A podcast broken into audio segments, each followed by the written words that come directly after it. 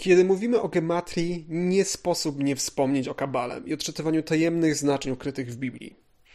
Choć doszukiwanie się obecnie takich treści wydaje się być domeną jednego typu internautów, to jednak jest ono w trochę bardziej mistycznej i poważnej formie niezwykle stare i liczy się je w setkach, jeśli nie tysiącach lat. Z pewnością jest ono uznawane w judaizmie za uzasadnione, skoro tradycja judaistyczna od średniowiecza uznaje oficjalnie cztery metody odczytywania Biblii, określone akronimem PARDES. Składa się na niego Peszat, czyli powierzchnia, oznaczająca odczytywanie i przejmowanie tekstu dosłownie. Remes, czyli wskazówka, oznaczająca doszukiwanie się głębszego znaczenia tekstu, alegorii i symboli. Derasz, czyli poszukiwanie, znaczenie wydobywania treści poprzez porównawczą egzegezę biblijną, tak zwaną midraszową. Często niesie ze sobą przesłanie umoralniające. Sot, czyli tajemnica, czyli znaczenie tajemne i ezoteryczne. Ten ostatni stopień odczytywania Biblii jest właśnie odczytywaniem jej przez metody kabalistyczne, do których zalicza się też gematria. Choć dodam też dla porządku, że gematria jest na tyle prostą metodą, wśród dość skomplikowanych operacji kabalistycznych, że na przykład Encyklopedia Judaika wlicza ją w drugi stopień interpretacji Biblii, czyli odczytywanie poprzez wskazówki, symbole, alegorie. Tym bardziej jest to zasadne, że pewne interpretacje geometryczne pojawiają się już w Talmudzie. Na pytanie, jak stara jest Kabała, nie sposób precyzyjnie odpowiedzieć. Dość powiedzieć, że jeśli uznamy za początek Kabałę wydanie kodyfikujących i normujących ją traktatów, powinniśmy powiedzieć, że Kabała powstała w XII wieku. Natomiast większość badaczy mistycyzmu judaistycznego twierdzi, że kabała jest zaledwie ta kabała XII wieku. Jest zaledwie pewnym etapem rozwoju myśli mistycznej w judaizmie. I prawdopodobnie ten mistycyzm judaistyczny formuje się od najpóźniej I wieku przed naszą erą. No dość powiedzieć, że e, bardzo istotna w Kabale jest księga Sefer Yetzirach, która została spisana w II wieku naszej ery w Aleksandrii. I ona raczej porządkuje już pewną wiedzę mistyczną, niż właśnie ją wynajduje. Sami zaś ortodoksyjni Żydzi uznają Kabałę za istniejącą tak długo, jak istnieje Tora, no, najstarsza część Biblii. Według nich Kabała była przekazywana z ust mistrza na ucznia, no, nie sposób stwierdzić prawdziwość takiego stwierdzenia, ale trzeba przyznać, że tradycja przekazywania nauk religijnych ustnie jest niezwykle stara w judaizmie i z pewnością istniała za czasów Jezusa. Zaś sama gematria jest starsza niż ostatni etap redakcji Księgi Rodzaju, czyli najstarszej księgi biblijnej. Jeśli Kabała byłaby młodsza niż Tora, to dlaczego ktoś miałby wpaść na pomysł szukania jakichś tajemnych prawd w Biblii? Czy Biblia sama w sobie nie jest dość jasna? Otóż odpowiedź brzmi nie. Absolutnie nie możemy powiedzieć, że przekaz biblijny jest łatwy, prosty i konsekwentny.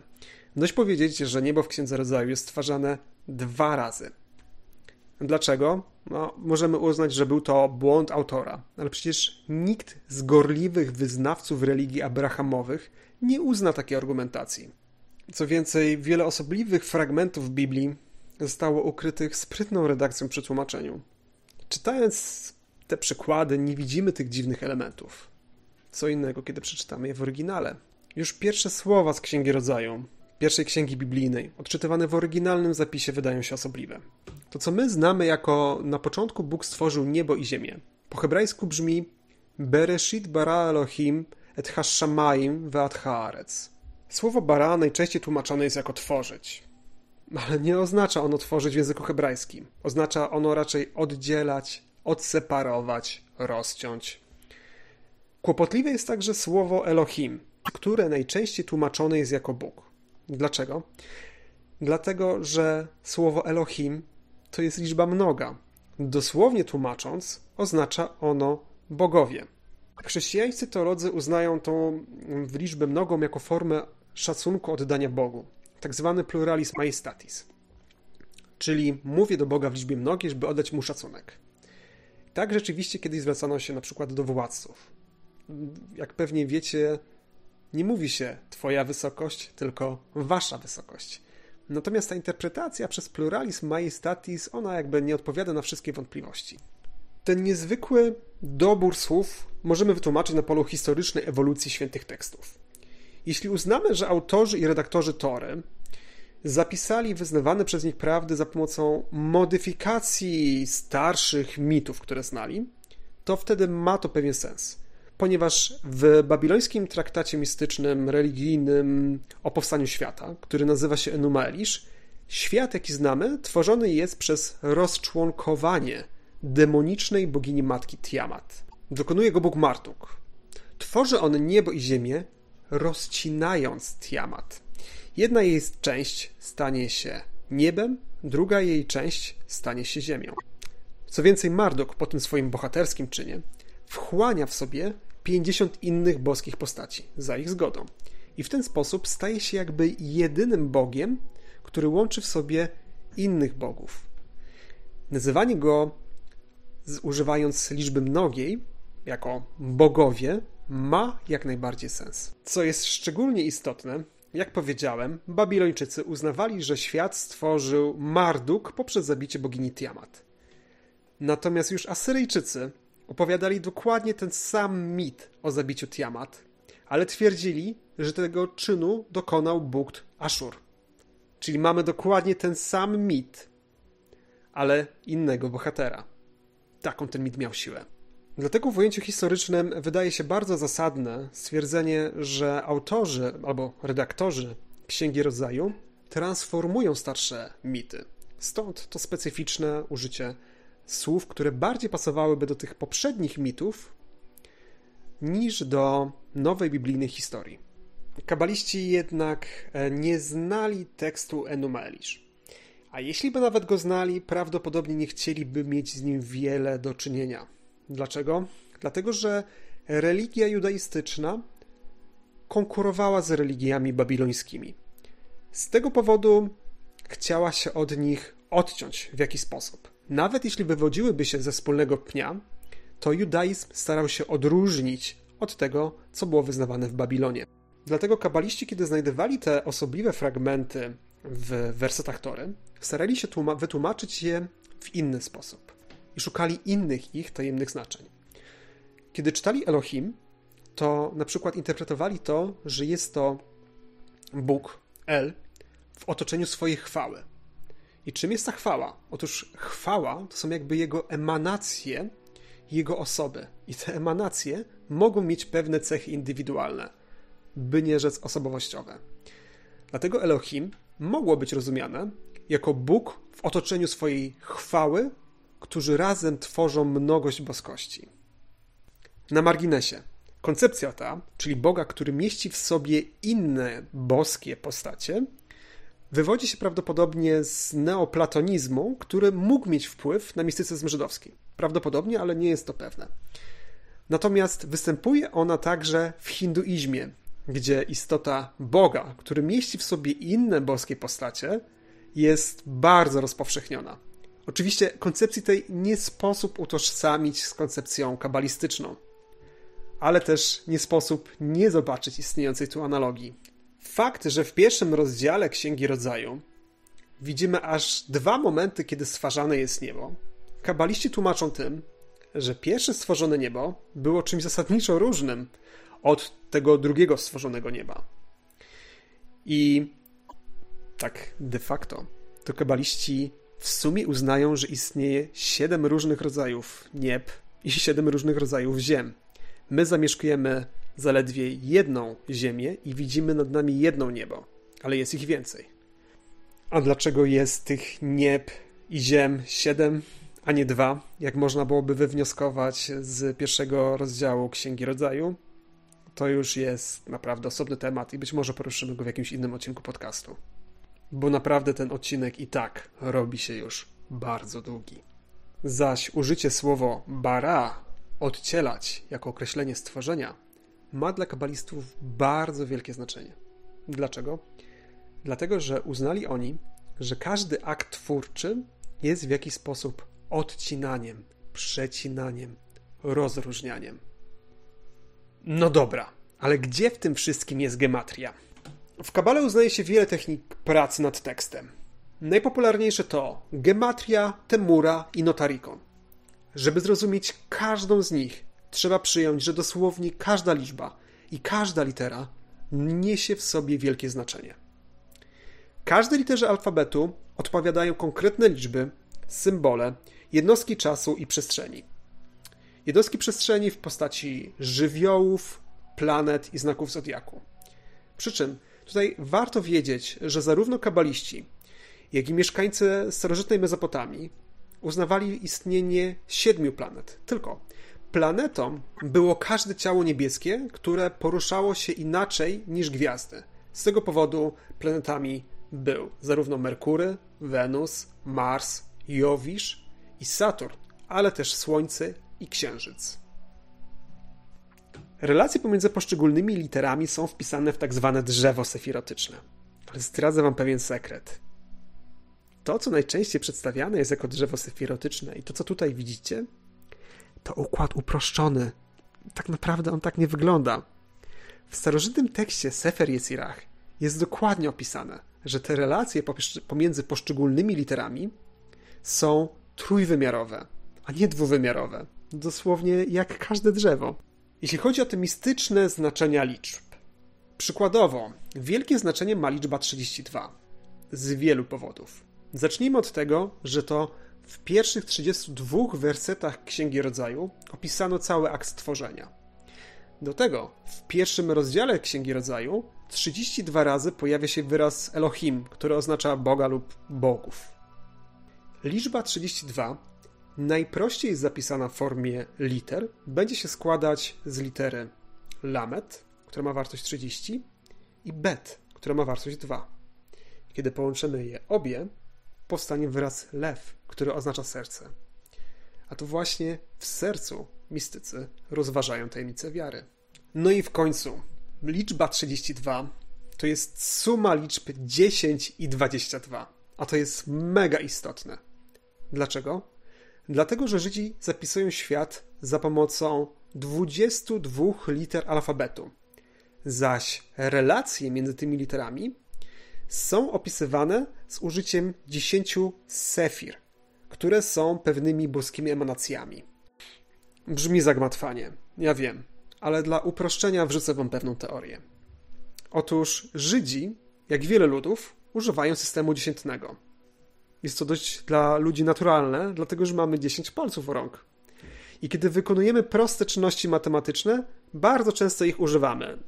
No, przynajmniej jak mamy mniej niż 30 lat.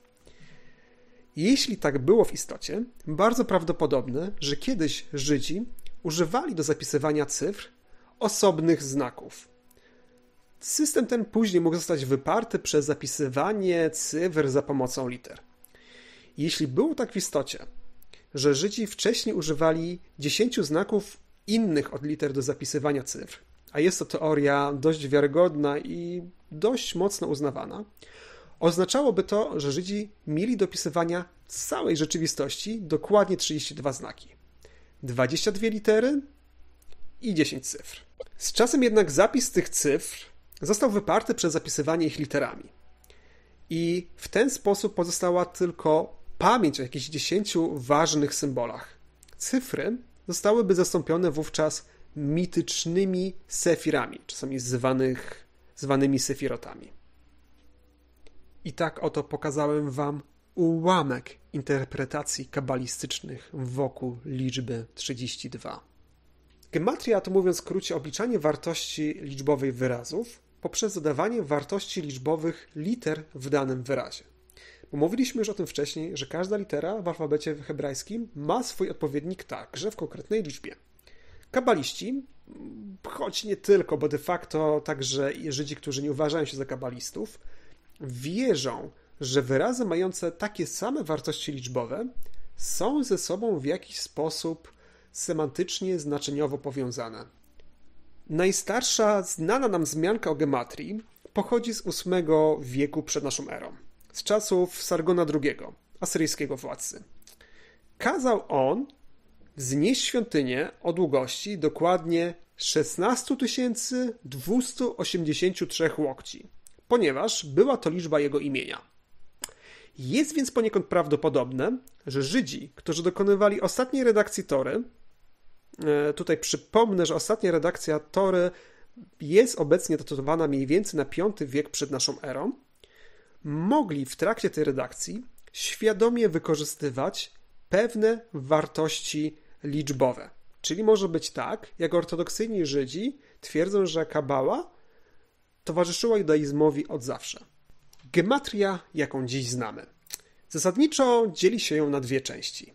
Gematrię odkrytą i gematrię mistyczną. Gematria odkryta. Wykorzystywana jest nie tylko w Kabale, ale też w Talmudzie. W niej to używa się absolutnego liczomianu, zwanego też mispar hechrachi.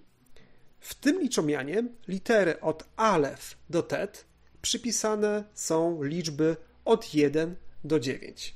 Literom od j do cadi przypisane są liczby od 10 do 90. Literom od kow do tau przypisane są liczby od 100 do 400. To najbardziej rozpowszechniony i powszechnie uznawany liczomian w gematrii hebrajskiej. Dlatego na jego bazie najczęściej podejmuje się próby odszyfrowania imienia apokaliptycznej bestii. Tak jak ja to zrobiłem w poprzednim odcinku. Gematria mistyczna. Innym systemem jest późniejszy duży liczomian, tzw. Tak Mispar Gadol.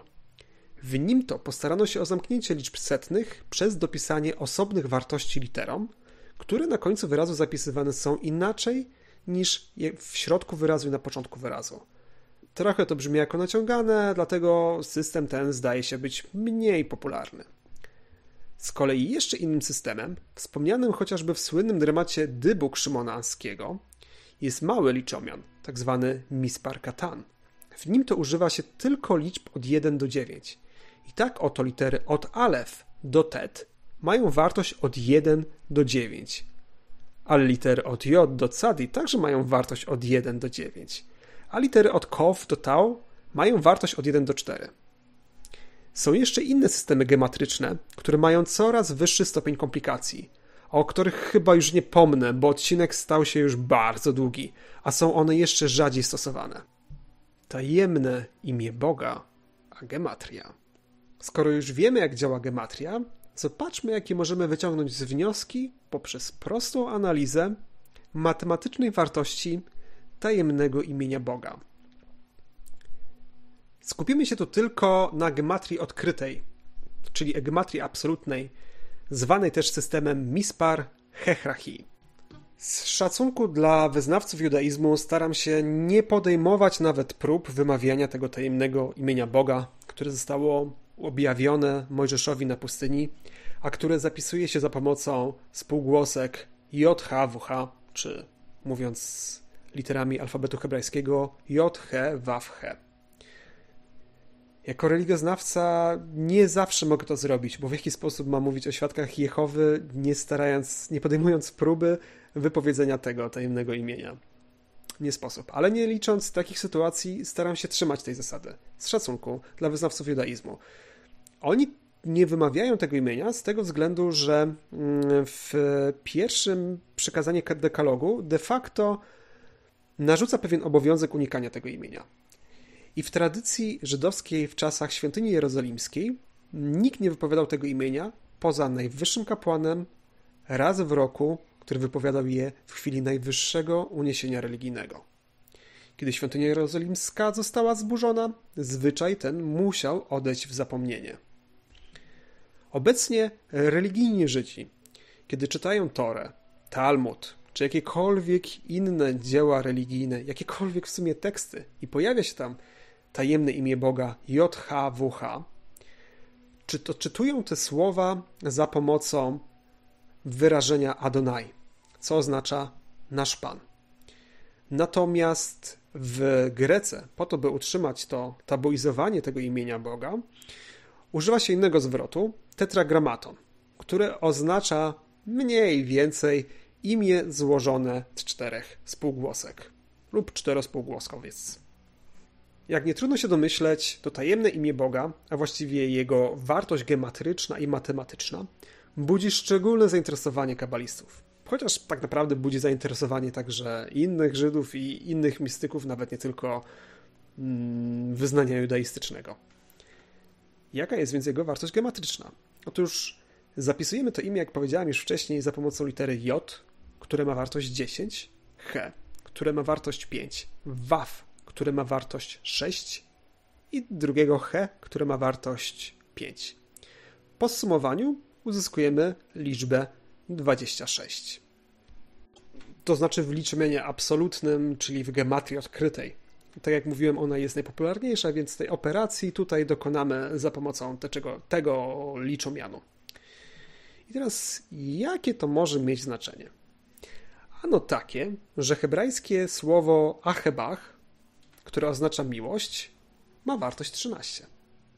Kiedy połączymy więc jedno słowo achebach i drugie słowo achebach, uzyskujemy wartość 26. Czyli można powiedzieć, że tutaj odczytujemy takie odkryte, mm, odkrytą tajemnicę boskiego imienia, że jest ono jakby połączenie dwóch miłości. I muszę przyznać, że to pięknie komponuje się z tytułem encykliki Benedykta XVI Deus Caritas Est, czyli Bóg jest miłością. Chciałem w tym odcinku jeszcze powiedzieć o różnych sposobach odczytywania tajemnego imienia bestii z Apokalipsy. Ale nagrywam ten odcinek już cały dzień, jest późno i będzie musiało to zostać przeniesione do jeszcze jakiegoś innego odcinka, bo temat jest naprawdę, wierzcie mi, gruby.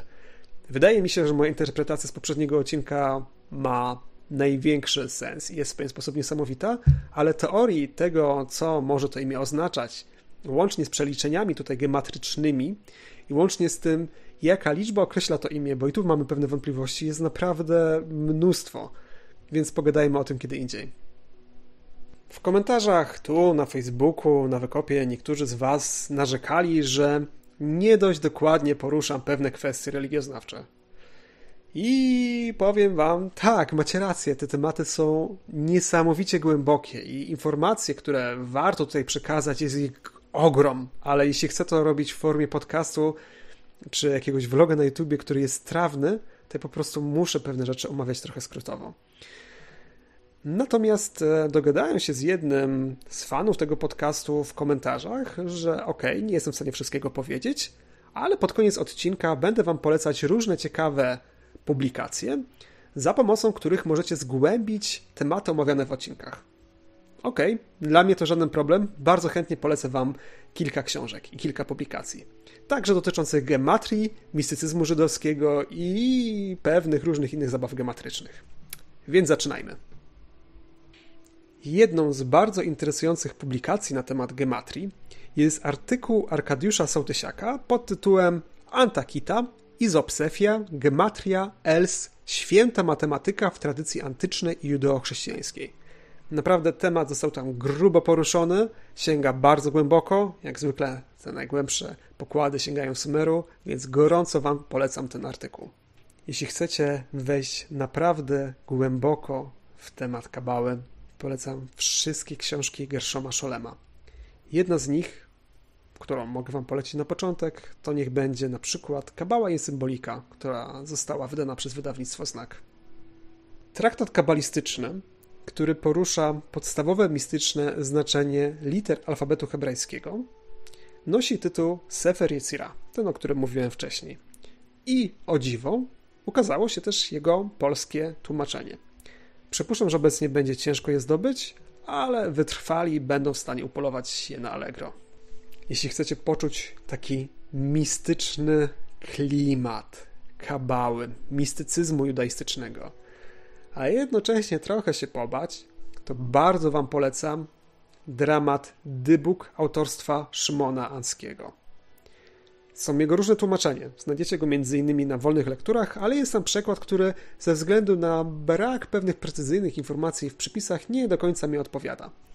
Ja polecam Wam przekład pana Joelona i Rottersmana, którzy dokładnie wiedzieli, o co w poszczególnych fragmentach tego dramatu chodzi. Wydanie, o którym, mówię, o którym mówię, pochodzi z Krakowa z roku 1922. W opisie znajdziecie link, z którego możecie je pobrać. Jeśli zaś chcielibyście się pobawić w obliczenia gematryczne i za ich pomocą odkrywać pewnego rodzaju różne tajemnice, to polecam Wam moją powieść interaktywną Tajemne Oblicze Świata 2. Można pobrać ją za darmo w formie e-bookowej, link w opisie, lub także kupić w wersji drukowanej, link także w opisie. No i byłoby na tyle. Zaczynałem nagrywać, kiedy był jeszcze piękny dzień, kończę, kiedy jest naprawdę głęboka noc, więc bardzo Was proszę, jeśli doceniacie mój wysiłek, subskrybujcie ten kanał na YouTubie, jeśli słuchacie mnie na Spotify'u, subskrybujcie mój kanał na Spotify'u. Jeśli możecie, zostawcie łapkę w górę. Możecie śledzić e, mój podcast na Facebooku, bo mam już swój własny fanpage, jak mówiłem poprzednio. Założyłem też konto na Instagramie. Będę na stories wrzucać pewne informacje religioznawcze, bardziej zaawansowane, które się nie zmieściły w odcinku, a także pokazywać, jak tworzę ten kanał. No więc tyle. Jeśli chcecie, to bardzo Was zapraszam do subskrybowania, lajkowania. No i do zobaczenia następnym razem. Cześć.